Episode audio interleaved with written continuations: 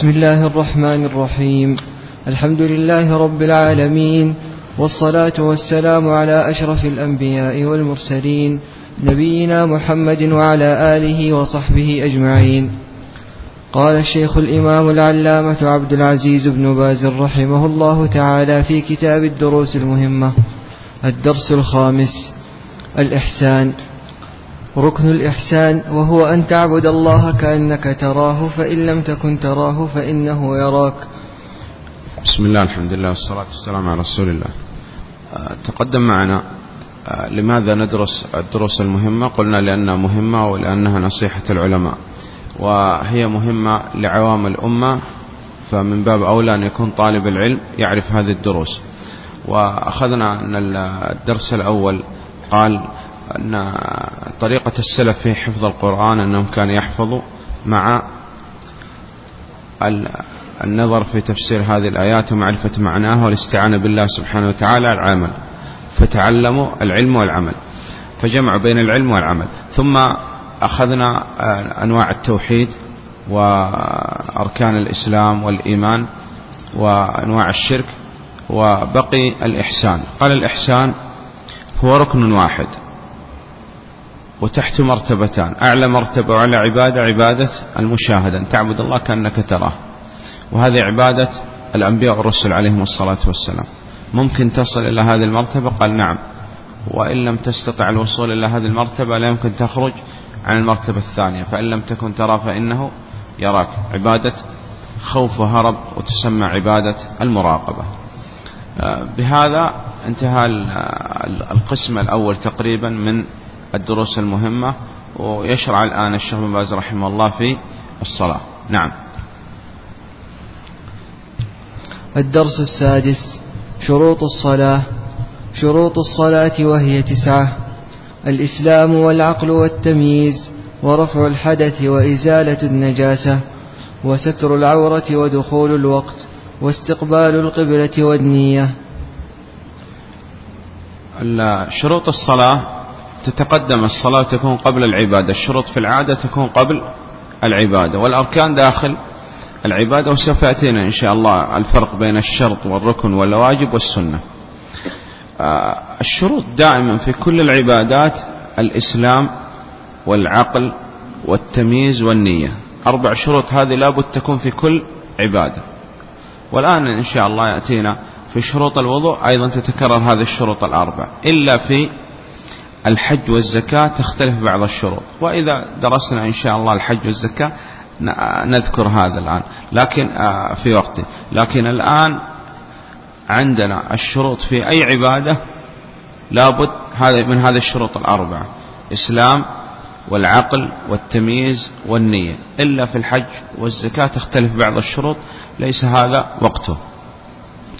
الأول يقول الإسلام. الإسلام وضده الكفر. إذا من شروط الصلاة الإسلام. فلو صلى الكافر صلاته باطلة. طيب لكن هل معنى هذا أننا نخاطب الكافر بالصلاة والصيام والحج والزكاة؟ قال لا. أول ما يخاطب الكافر به الشهادة. نعم. شهادة لا إله محمد عبد الرسول. لأن النبي صلى الله عليه وسلم عندما أرسل معاذ إلى اليمن قال ليكن أول ما تدعوهم إليه شهادة أن لا إله إلا الله. هذا تقدم وبوب عليه الإمام محمد عبد الوهاب رحمه الله باب الدعاء إلى شهادة لا إله إلا الله أن يبدأ به قبل كل شيء حتى قبل الصلاة. فإذا أسلم ودخل في الإسلام نخاطبه بالصلاة. وفي قال فيه التنبيه على التعليم بالتدريج. إذا صلى الكافر قلنا صلاته باطلة. هذا أولا الإسلام. لكن هل يعاقب على ترك الصلاة؟ قال نعم يعاقب. إن كان المسلم يعاقب على ترك الأوامر الكافر من باب أولى والدليل قالوا ما سلككم في سقر قالوا لم نكن من المصلين ولم نكن نطعم المسكين. إذا الكافر مخاطب بكل الشريعة لكن نأمر أولا بالشهادة ثم بعد هذا بالصلاة ثم بعد هذا نتدرج معه. طيب الإسلام. الثاني قال العقل. العقل ضده الجنون. فلو صلى المجنون صلاته باطلة. مفهوم؟ نعم. لأنه غير مكلف أصلا وليس عنده نية أصلا. طيب. الإسلام والعقل والتمييز. التمييز قال هو التفريق بين الأشياء. فلا بد يفرق بين الأشياء. فإذا كان يفرق بين الأشياء فصلاته صحيحة. لكن هل تجب عليه الصلاة؟ قال ما تجب الصلاة إلا على البالغ لكن يؤمر بها مروا أبناكم بالصلاة هم أبناء سبع. من منذ أن يتم يتم سبع سنين يبدأ الأمر له بالصلاة نأمر بالصلاة. لكن الصلاة تكون واجبة على المكلف ويأمر بها الصغير. طيب التمييز هو التفريق بين الأشياء. فلو صلى الصغير صلاته صحيحة أم باطلة؟ ننظر. إذا كان مميز فالصلاة صحيحة. يعني يفرق بين الأشياء. يعرف أنه هذا ماء وهذا نار تقول له اجلس يجلس تقول له قم يقوم وما إلى ذلك. فهذا هو المميز. فلو سألنا سائل وقال هل تصح صلاة الصغير؟ نقول نعم إذا كان مميز. مفهوم؟ الإسلام والعقل والتمييز والنية. قال النية محلها القلب. والتلفظ بها بدعة. والنبي صلى الله عليه وسلم قال للمسيء في صلاته إذا قمت إلى الصلاة فأسبغ الوضوء فكبر. وما قال له قل اللهم نويت أن أصلي هذا اليوم الاثنين الموافق للثاني والعشرين من شهر ربيع الأول لعام كذا في الساعة كذا في المدينة النبوية ما لذلك ما يصح هذا. نعم. رفع الحدث. رفع الحدث. من شروط الصلاة رفع الحدث والحدث رفع الحدث الأكبر والحدث الأصغر. الحدث الأكبر يكون بالاغتسال والحدث الأصغر يكون بالوضوء. فلا تصح الصلاة تصح صلاة من أحدث سواء كان حدث أكبر أو أصغر. نعم. وإزالة النجاسة. لابد أن يزيل النجاسة عن ثلاثة أشياء عن البدن والبقعة والثوب. فلو صلى وعلى بدن نجاسة أو على ثوب نجاسة أو في مكان نجس وكان يستطيع إزالة هذه النجاسة فالصلاة باطلة. لكن إذا كان جاء جاهل عنها يعني لا يدري عن هذه النجاسة وهي على الثوب مثلا وصلى وعلى ثوب نجاسة ولا يدري عنها فالصلاة صحيحة لأن النبي صلى الله عليه وسلم صلى وأخبر جبريل عليه السلام أن في لعنه أذى ولم يعد الصلاة عليه الصلاة والسلام بل أكمل. خلع النعلين وأكمل الصلاة. طيب. إذا لابد يزيل النجاسة عن ثلاثة أشياء بدن وبقعة وثوب. نعم. وستر العورة. ستر العورة. العورات يقول تنقسم الشيخ بن عثيمين رحمه الله إلى ثلاثة أقسام. عورة مغلظة وعورة مخففة وعورة متوسطة. عورة مغلظة يعني نشدد في هذه العورة ونغلظ فيها. وهي عورة المرأة الحرة البالغة تستر جميع البدن إلا وجهها. وفي حضرة الأجانب حتى الوجه تغطيه إذا هذه عورة عورة من؟ المرأة. خرج به الرجل. الحرة خرجت به الأمة. البالغة خرجت به الصغيرة التي لم تبلغ. تستر كل البدن إلا وجهها. وفي حضرة الأجانب حتى الوجه تغطيه طيب عندنا الثاني عورة مخففة. عورة مخففة و... وهذه العورة المخففة يستر فيها الفرجان فقط. وهي, وهي عورة الذكر ابن سبع سنين إلى عشر سنين. يستر الفرجان وتكون الصلاة صحيحة. ما عدا العورة المغلظة والعورة المخففة تكون عورة متوسطة.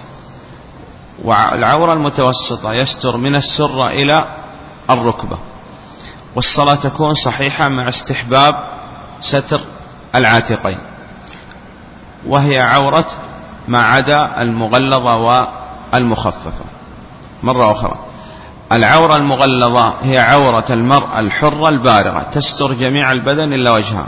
وفي حضرة الأجانب قلنا تغطي حتى الوجه. وعورة المخففة الذكر ابن سبع سنين إلى عشر سنين. يستر الفرجان فقط.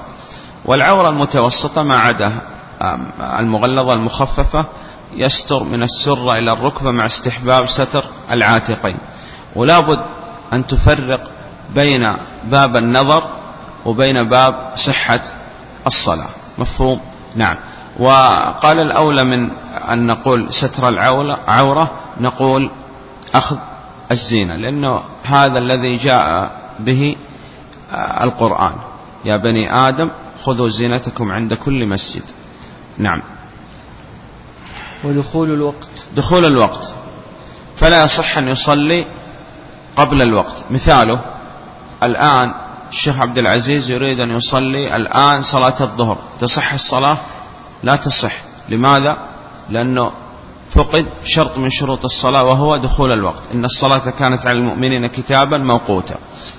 وكذلك تعمد إخراج الصلاة عن وقتها بغير عذر أو عذر مثل أن الصلاة الظهر تجمع مع العصر إما جمع تقديم أو جمع تأخير لسفر أو مرض مثلا. فإذا أخر الصلاة ليجمع مع غيره وكان أهلا لهذا الأمر يعني التأخير تصح الصلاة وإلا لا تصح. نعم. إيش بقي؟ استقبال القبلة. استقبال القبلة. استقبال القبلة لابد يستقبل القبلة في الفرض وفي النافلة في السفر وفي الحضر. إلا صلاة النافلة في السفر يصح أن يصلي حيث توجهت به الدابة والراحلة. إذا قبلة المسافر في النافلة حيث توجهت به الدابة أو الراحلة ويصلي على دابته. إلا الفريضة لابد يوقف الدابة أو الراحلة ثم يقوم ويستقبل القبلة. نعم. الدرس السابع. لا بس آه، نراجع هذا الدرس. نعم. إذا من يعيد لنا شروط الصلاة؟ من الجدد أخواننا وين الجدد؟ طلب الجدد اللي يدرس الدروس المهمة وينهم؟ نعم الشيخ. تعرف؟ قول يا أخي. نعم. أولا الإسلام خرج به الكفر فلو صلى الكافر صلاته باطلة. وقلنا نحن أول ما نخاطب الكافر نخاطبه بالشهادة مع أنه يعاقب على ترك الصلاة. ولذلك يقول الشيخ بن عثيمين رحمه الله أن من الخطأ أن بعض الناس يأتي للكافر وأول ما يأمر به يأمر بالختان مع أنه غير مخاطب يقول الآن بالختان يقول أول ما تأمر به الشهادة. والشيخ بن عثيمين رحمه الله يقول أن هذا الكافر يعني لا يتقبل الآن أوامر الشريعة. نريد منه شيء واحد وهو الإسلام. قال إذا أسلم يشرح الله سبحانه وتعالى صدره وبعد ذلك يتلقى جميع الأوامر. وإذا كان عندنا مسلم غير مختتن وكافر مختتن أي نعم. الكافر هذا المختتن كافر ومخلد خلود أبدي في النار نسأل الله السلامة والعافية. وإذا كان مسلم ولا ولم يختتن إذا كان يضر الاختتان وقد يؤدي بحياته إلى الموت نقول سقط عنك الختان. صحيح؟ نعم. جاءت امرأة سافرة وقالت أنا ما أريد الحجاب. نقول له من قال لك أنك الآن مخاطبة بالحجاب؟ أنت الآن مخاطبة بالإسلام. أسلمت بعد هذا نخاطبها بالحجاب. وعندنا مسلمة سافرة أحسن من كافرة محجبة صحيح؟ ضحك بن مزاحم رحمه الله إمام من الأئمة. أتى رجل نصراني قال يا إمام إني أحب الإسلام وأحب الخمر. يعني ما يمنع من دخول الإسلام إلا محبة الخمر. قال أسلم واشرب الخمر. قال أشهد أن لا إله إلا الله وأن محمدا عبده ورسوله. قال أنت الآن مسلم. إن شربت الخمر جلدناك. وإن رجعت عن الدين قتلناك. نعم ها يا أخواننا العالم يعرف أنه لابد أن الناس تدخل في دين الله. ويسعى لهذا. وأن الكافر غير مخاطب الآن. أول ما نخاطب به الشهادة. لكن يعاقب يوم القيامة على ترك الصلاة والزكاة والأمور. هذه نعم. والدليل قلنا. قالوا ما سلككم في سقر. إذا هذا الشرط الأول الإسلام. فلو صلى الكافر صلاته باطل. الشرط الثاني. الشرط الثاني. العقل. فلو صلى المجنون صلاته باطلة الثالث التمييز. وقلنا أن الصغير غير مكلف لكن يؤمر بالصلاة إذا أتم سبع سنين. والتمييز هل هو بلوغ سبع سنين؟ لا. لكن التفريق بين الأشياء. فلو صلى الصغير صلاته صحيحة؟ نعم. إذا كان مميز فالصلاة صحيحة غير مميز فالصلاة باطلة. بعد هذا رفع الحدث. وأي حدث الأكبر يكون بالاغتسال والأصغر يكون بالوضوء. فلو صلى عليه حدث أكبر فالصلاة باطلة ولو صلى عليه حدث أصغر فالصلاة باطلة. إزالة النجاسة ولا بد أن يزيل النجاسة عن ثلاثة أشياء البدن والبقعة والثوب. نعم غيره. ستر العورة. وقلنا ستر العورة العورات تنقسم إلى ثلاثة أقسام مغلظة ومخففة ومتوسطة. فالمغلظة عورة المرأة الحرة البالغة. المرأة خرج به الرجل والحرة خرج به الأمة المملوكة. والبالغة خرج به الصغيرة. فلو صلت مرأة بالغة وكاشفة عن شعرها فالصلاة باطلة. ولو صلت المرأة الأمة وكاشفة عن شعرها فالصلاة صحيحة. وقلنا لابد تفرق بين باب النظر وبين باب صحة الصلاة. نعم غيره. الثاني العورة المخففة الذكر ابن سبع سنين إلى عشر سنين يستر الفرجان وغير المغلظة والمخففة عورة متوسطة يستر من السر إلى الركبة مع استحباب ستر العاتقين وأخذ الزينة. طيب بعد هذا نعم. دخول الوقت. فلو صلى قبل دخول الوقت فالصلاة تعمد إخراج الصلاة عن وقتها وكانت هذه الصلاة لا تجمع مع غيرها فالصلاة باطلة. طيب غيره. استقبال القبلة. استقبل القبلة في الفريضة وفي النافلة. إلا النافلة في السفر يصح أن يصلي حيث توجهت به الدابة أو الراحلة أو القطار أو الطائرة أو السيارة. نعم. النية ومحلها القلب والتلفظ بها بدعة والله أعلم. وصلى الله على محمد وعلى صحبه وسلم.